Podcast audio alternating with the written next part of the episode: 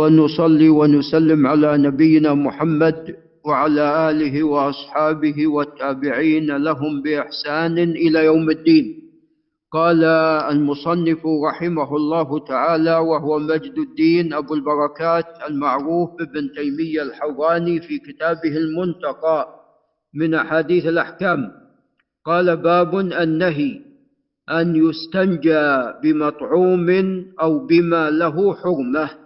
تقدم لنا أنه لا بد من ثلاثة شروط في الأشياء التي يستنجى بها وهذه الشروط الثلاثة هي أن لا يكون نجسا هذا الشيء بل يكون طاهر. ولذا الرسول صلى الله عليه وسلم ألقى الروثة وقال إنها ركس أي نجسة.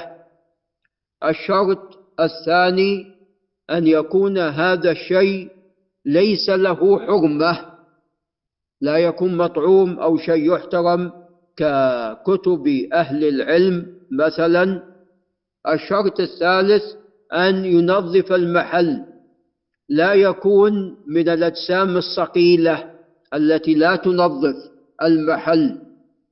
نعم فإذا توفرت هذه الشروط فإنه يجوز الاستنجاء بهذا الشيء.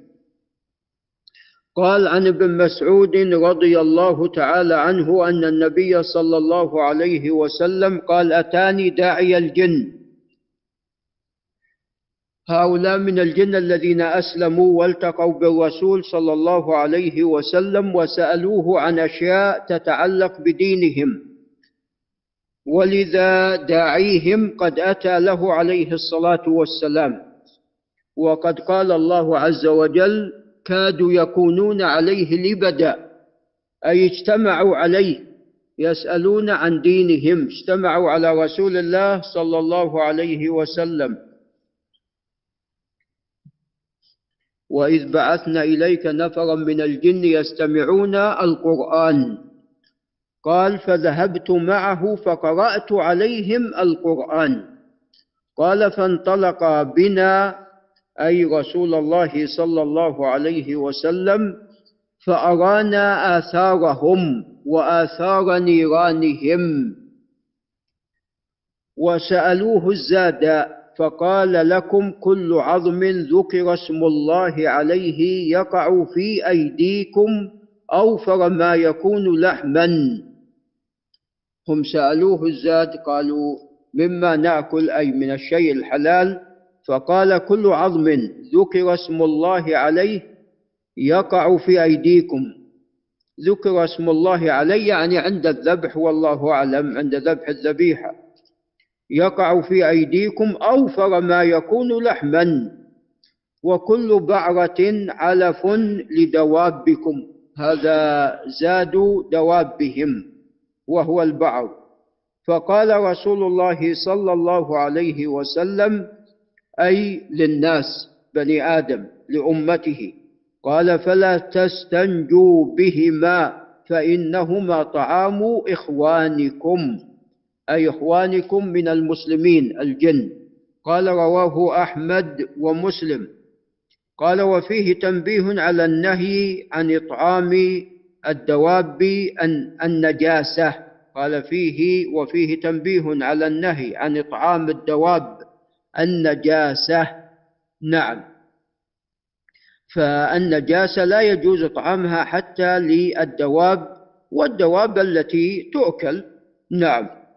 وذلك في قوله وكل بعرة علف لدوابكم. هذا البعر من بعر الحيوانات المأكولة. قال وعن أبي هريرة رضي الله تعالى عنه أنه كان يحمل مع النبي صلى الله عليه وسلم إداوة لوضوئه وهي ما يستنجى به وحاجته فبينما هو يتبعه بها قال من هذا؟ قلت أنا أبو هريرة. فقال أبغني أحجارا أستنفض بها أي استجمر بها وأتنظف بها ولا تأتيني بعظم ولا بروثه فأتيته بأحجار أحملها في طرف ثوبي حتى وضعت إلى جنبه ثم انصرفت. حتى إذا فرغ مشيت فقلت ما بال العظم والروثة لماذا يعني نهيت عنهما؟ قال هما من طعام الجن وإنه أتاني وفد جن نصيبين وهذه التي عند تركيا عند الحدود. ونعم الجن وذلك لأنهم أسلموا وسألوا عن دينهم. فسألوني الزاد فدعوت الله لهم. ألا يمروا بعظم ولا بروثة إلا وجدوا عليها طعاما. قال رواه البخاري. قال باب ما لا يستنجى به لنجاسته. تقدم أن ما كان نجسا لا يجوز الاستنجاء به لأنك أنت تريد أن تطيب المحل وتنظف المحل عن النجاسة. فكيف يستنجى بالنجاسة؟ فهي تزيد المحل نجاسة إلى نجاسته. قال عن ابن مسعود رضي الله تعالى عنه قال أتى النبي صلى الله عليه وسلم الغائط فأمرني أن آتيه بثلاثة أحجار. قال فوجدت حجرين والتمست الثالث فلم أجده. فأخذت روثة فأتيته بها. قال فأخذ الحجرين وألقى الروثة وقال هذه ركس أي نجس. قال رواه أحمد والبخاري والترمذي والنسائي وابن ماجه. وزاد فيه أحمد في رواية له ائتني بحجر أي بدل عنها. وهذه الزيادة ليست بالقوية. ولكنه قد قال عليه الصلاة والسلام لا يستنجي أحدكم بأقل من ثلاثة أحجار. فالظاهر أنه قد التمس عليه الصلاة والسلام حجرا ثالثا أو أن أبا هريرة أتى له بحجر ثالث.